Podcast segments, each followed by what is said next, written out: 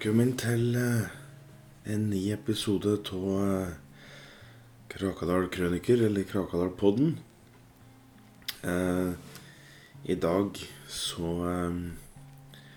så skal vi hilse på Gyda Augustdotter. Og hun var dattera til August Vrikrans. Eh, rett og slett. Eh, hun ble jo eh, Hun ble født i 1514 på en regnværsdag omtrent Omtrent som den dagen her, egentlig. For ute her òg nå så regner det hardt og trutt eh, nedover hele Oslo. Kjerkeklokken ringer i dag òg. Det er eh, herlig. Nei da, i hvert fall hun ble født på en regnværsdag i 1514. ja. Eh, Og i 1568 så eh, Så forlot hun jorda. Hun var ei standhaftig og dristig jente med utrolig mye fornuft og, og mye i sinnet sitt, egentlig. Eh, hun var glad i å, i å notere, eller altså ja, skrive ned ting. Og, og holdt også på da med helleristninger uh, innpå Finnskogen. For det var nemlig ei krakete frøken det som bodde i grottom i Marsfjellet. Uh, og hun var for nesten 100 år. Uh, og hun lærte jo Gyda å skrive runespråket fra vikingtida. Og så lærte hun òg Gyda Hasse man skulle kunne få til helleristninger. da, Hasse det fungerte. Um, som unge så var jo Gyda svært opptatt av firfisler og gaupe. Og mange steder inne på Finnskogen så kan du jo nå finne helleristninger til noe som da kan tyde på at det kan være både firfisle og gaupe. Og det er òg tegnende både felk og dromedarer og stjerner og skog hvis du leiter godt inn på skogen. Som eh, jentunge ble Gyda ofte forbigått til fordel for da sine brødre Tok og Vidkun, uten at det egentlig brydde Gyda noe særlig det. For det ved at gutta fikk mer oppmerksomhet hos sine foreldre, så kunne jo Gyda tusle rundt på Marsfjellet i sin barndom og, og utforske all verdas med stein og bein. Og i Marsfjellet så fantes det heller ingen jevnaldrende gutter som hun kunne like. Dog satte hun jo mer pris på å henge med de eldste og høre om alt det de hadde opplevd i si tid. Og ofte når det var sengetid, eh, måtte enten August eller Hildiga vandre innom Gamlerandi og Eldsteørn da, for å se om Gyda satt der og supe kaffe og hørte på historier. Og ofte var jo det òg tilfellet. Eh, det var eh, Det var en kveld at eh, Og en kveld Og da var jo full Gyda var elleve år gammel, tenker jeg. Og da brukte hun en hel dag ute eh, på det åpne fjellet. Og fant fram da til et haukereir som hun fant Og det fant hun jo da en nyfødt hauk som ventet på da at søsknene skulle klekkes ut ifra sine egg. Eh, Gyda satt tålmodig og plukket maur som tuslet forbi, og så moste hun spesielt én maur som hun tok mellom fingertuppa, og så moste hun den. Og, eh, og så fôret hun da haukungen, som skrek så forbanna høyt, vet du.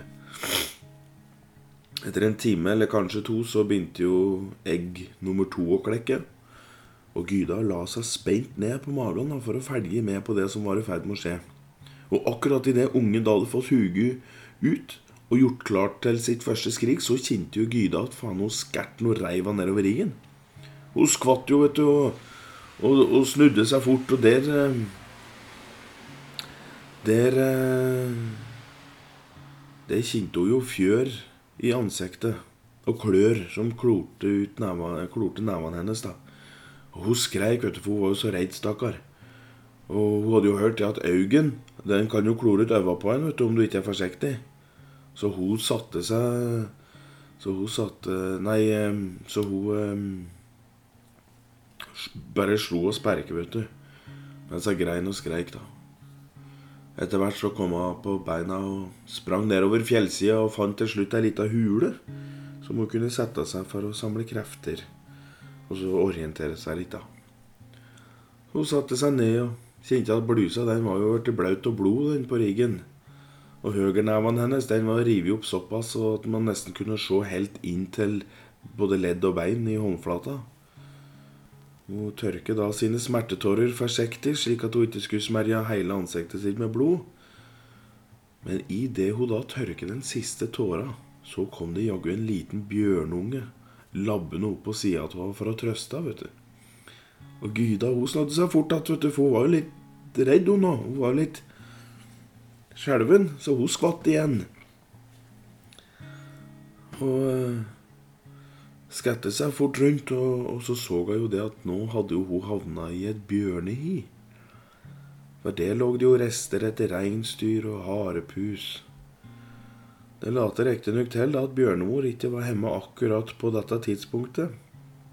Men uh, Gyda veit jo det at uh, er du for lenge i et bjørnehi med en bjørnunge, da er det ikke akkurat, det er ikke akkurat litt smart, da. Så Gyda hun tok med bjørnungen i ermet og sprang ut fra hiet.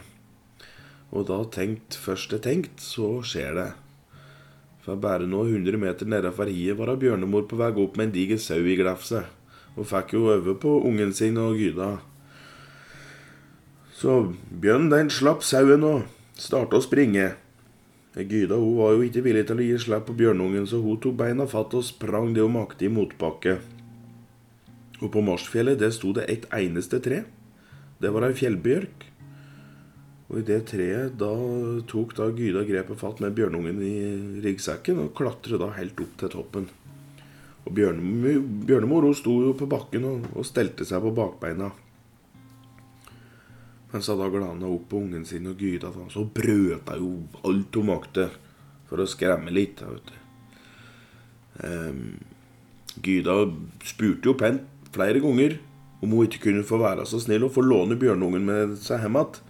Men bjørnemor bare slo i treskorpa, så flispruten sto. Det er ikke greit å vite om denne bjørnen kommer fra Sverige, Finland eller Norge, så om, en, om bjørnemor her kunne norsk, det er heller ikke lett å, å vite, vet du. Så, så det er ikke sikkert hun skjønte her har Gyda spurt om. Men eh, etter noen timer oppe i tretoppen, da tok hun Gyda og skar av en kvist med kniven hun hadde stjålet av bror sin eh, Vidkun. Og så begynte hun å spikke et lite spyd. Og da det var ferdig spikket, da tok hun og klatret litt lenger ned på stammen. Og kastet det faen så hardt, vet du, så og rett i skolten da, på bjørnemor. Så bjørnemora hun datt om med et gedigent stønn. vet du, øh.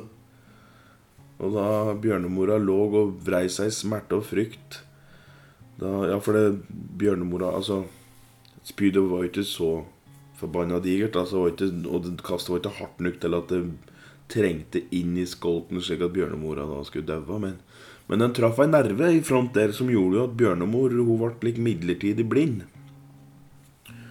Så da bjørnemora hadde fått drivet av seg spydet ur panna da skulle, og skulle da finne treet, da sleit hun jo litt, for blind som hun var, så for hun jo langt av gårde, vet du, både fra ungen sin og Gyda. Og Gyda hun gikk nå trygt ned fra treet for å finne veien hjem igjen. Det var eh, langt utpå natta da Gyda først kom hjem igjen til sine egne den dagen. Spørsmål og frykt spredde seg da de så ut at eh, Nei, at de da det spredde seg når de så at hun hadde med en bjørnunge med seg hjem igjen. Men alle syntes jo at den var så søt og snill, og så de lot bjørnen få vokse opp i grotta der inne, da, på Marsfjellet. Gyda hun fikk jo juling av mor si da når hun kom hjem igjen, for hun hadde jo vært borte så lenge den natta, og mor var jo redd, vet du. ja Gyda hun hadde ei fin ungdomstid. Um, hun hjalp mor si med det som måtte til i form til å lage blomsterkranser og garveskinn. Og uten at noen visste det, så sto Gyda ofte tidlig opp før alle andre i grotta for å øve seg på knivkast. Hun visste riktignok ikke her hun skulle bruke det til, men hun syntes jo det var moro. Gyda ble jo da nødt til å bli med sin familie på vandring da de ble kastet ut av grotta i Marsfjellet. Eh, Gyda syntes nok ikke det var ålreit. Hun syntes det var ganske trist og leit. Aller helst så kom hun fullt til å savne gamle-Randi og eldste Ørn. Men samtidig så visste hun det at de snart skulle starte sin jordprosess, dem, så lenge De hadde jo vært gamle så innmari lenge, vet du. Elstøren han var jo tross alt den eldste i bygda, eller i grotta. Og det sa jo sitt, det, når gamle-Randi sjæl ifølge ryktet skulle ha vært i 92 det året Gyda ble født. Så om gamle-Randi og Elstøren fort hadde råka 120 år, det er det, er det ingen som eh,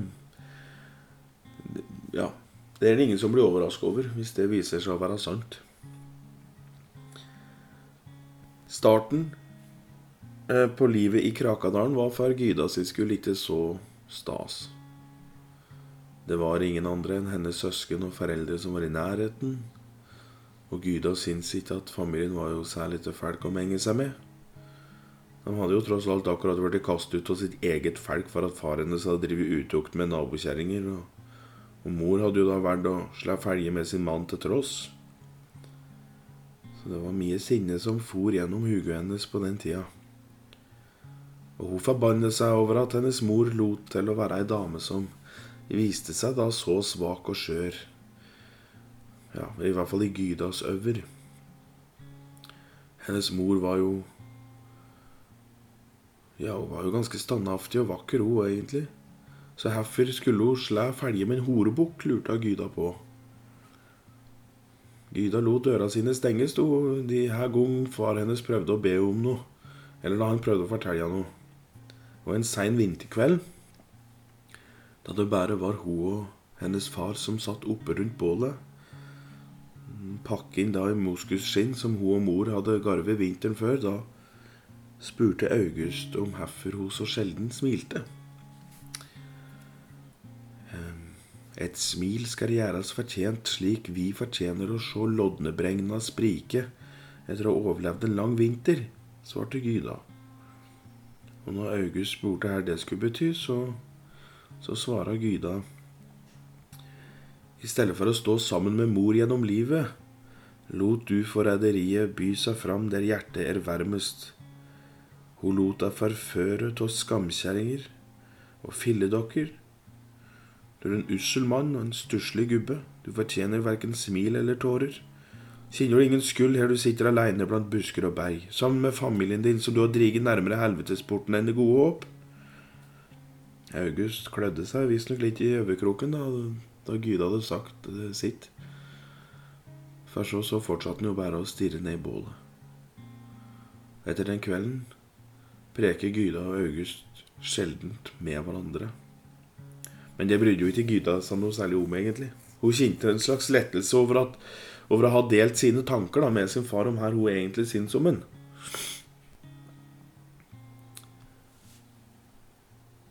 To år i ensomhet gjorde jo at lykken var ganske enorm da Ingar Smitorp kom farende med sine to sønner.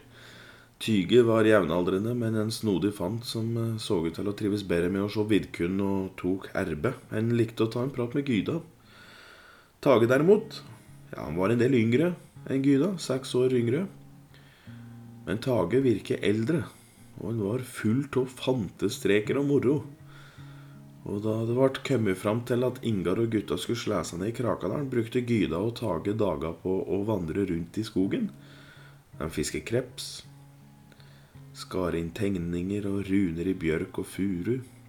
Ja, du veit, for Gyda lærte jo bort runeskrifta til Tage. Han skjøt pil og bue på tiur og rådyr, som de da kom over. Men i stedet for å ta det med hemma til sine egne setre, så fant de ei hule dem inne ved bergsida på Krakadalen, like ved sjøen. Der tilberedte de sine egne måltider og gjemte unna både kjøtt og fisk de hadde tatt i. Og på den måten så hadde de ingen behov for å reise hjem igjen for å ete. Nesten hver eneste dag var fylt av idyll for Gyda og Tage. og Selv om Tage ikke visste det helt ennå, så var den gode følelsen han hadde for Gyda, en slags uh, forelskelse.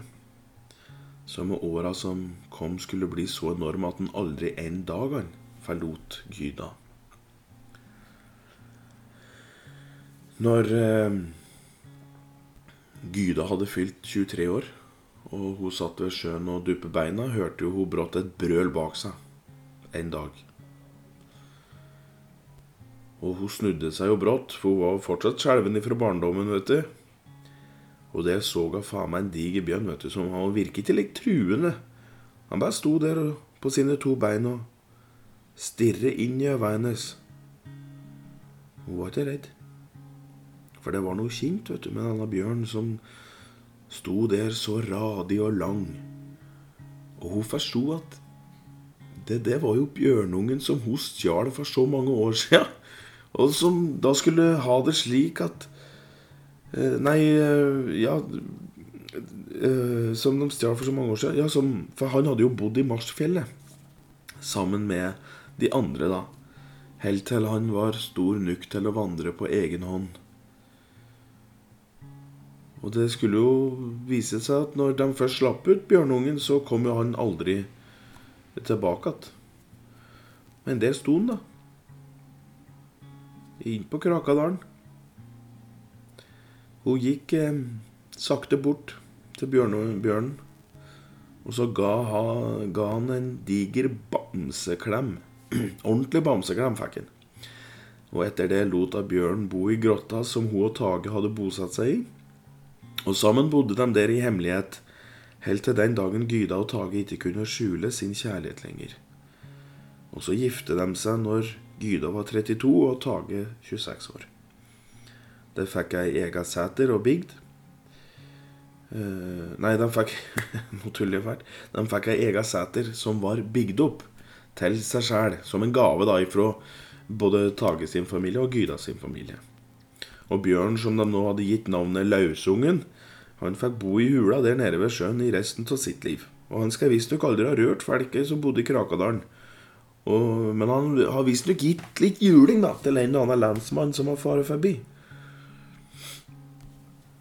Gyde og, og Tage de fikk ei jente i 1551 som de kalte Rute. Og aldri en dag var spredd av ulykke i Gyda og Tages ekteskapelige liv. Gyda var hard som kone, men hun var sannferdig og rettvis og så, såpass var det at de gangene det da brigget til konflikt, så forsto som oftest Tage at han sjelden hadde riktig. Så han trakk seg da unna før, før krangelen faktisk var et faktum. Og når det kom til barneoppdragelse, så lot han Gyda ta seg av den groveste jobben. Mens han tok jo da med rute ut for å fiske både på vinteren som sommer. Og de gonga Gyda sjæl hadde lyst til å gå på jakt, eller lignende, så lot hun tok sin husdreng, som, eh, ja, som kom dit en stille og Nei, som kom dit som nyfødt. Han var visstnok en gave fra sjøen, han drengen, husdrengen til en uh, tok. De kalte han Abel. Og Abel han ble bedt om å passe på da sitt søskenbarn. Og Abel han var en stille og snodig skrue med sjøens grums og gras hvilende i de svarte øva sine, men han var snill mot Rute og tok godt vare på han når han først fikk passa på. Gyda hadde aldri noe særlig forhold til sin far, eh, egentlig etter at han da kom til Krakadalen.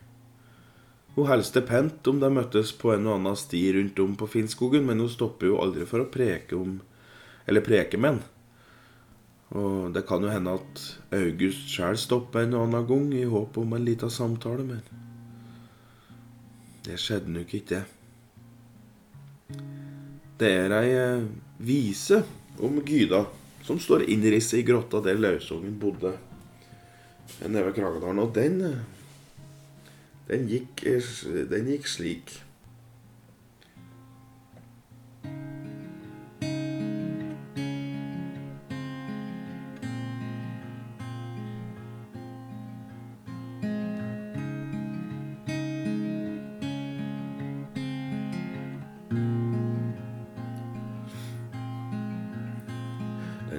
Den fagreste skapning med stålig blikk og tunge. Hun holdt sine tårer på vandring, dog ingen sko var for tunge.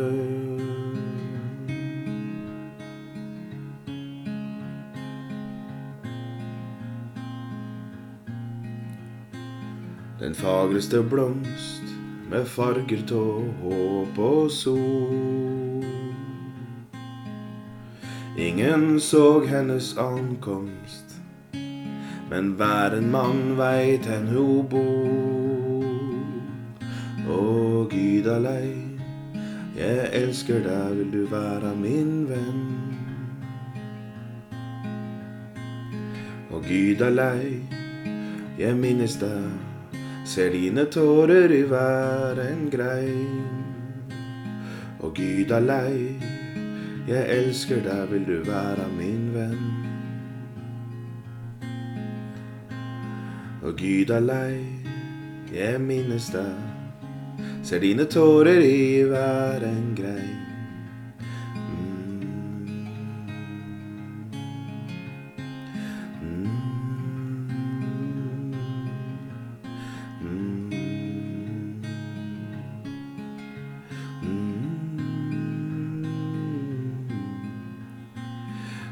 Den blomst.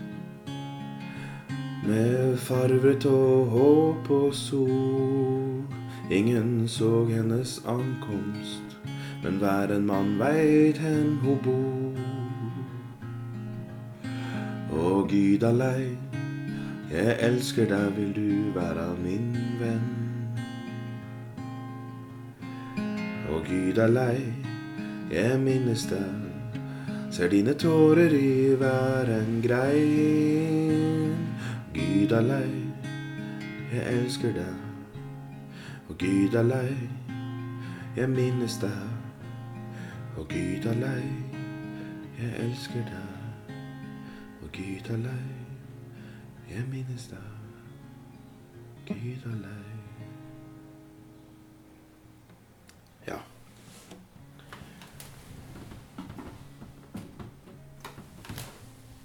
Um, slik gikk den. Uh, Gyda var stødig og utrolig habil som familiemor og som samboer. Og så hendte det da i 1568 at bygda fikk besøk av en kar ved navn Arnulf, og han kunne jo spille fele. Aldri før hadde Gyda hørt toner av en fiolin før nå. Så når Arnulf sto på tunet og spilte de vakre tonene i skogens klang, da felte Gyda sine første tårer i all offentlighet og falt om på bakken i rein befrielse og lykke. Hun visste at nukk var nukk, og at hun nå ikke trengte mer av livet. Hun var ferdig. All den lykke noen kunne be om, hadde hun fått i en kjærlig og god husbond og i et velskapt og fornuftig barn. Hun visste at de rundt nå ville være i stand til å klare seg sjæl. Og midt i Arnulfs felespilling så tok Gyda sine siste åndedrag mens hun hvisket opp til sola. Nå kan jeg endelig seile aleine. Og slik døde Gyda Augustdotter, 54 år gammel, etterlot seg mann og datter, mor, brødre og søster, og sin far.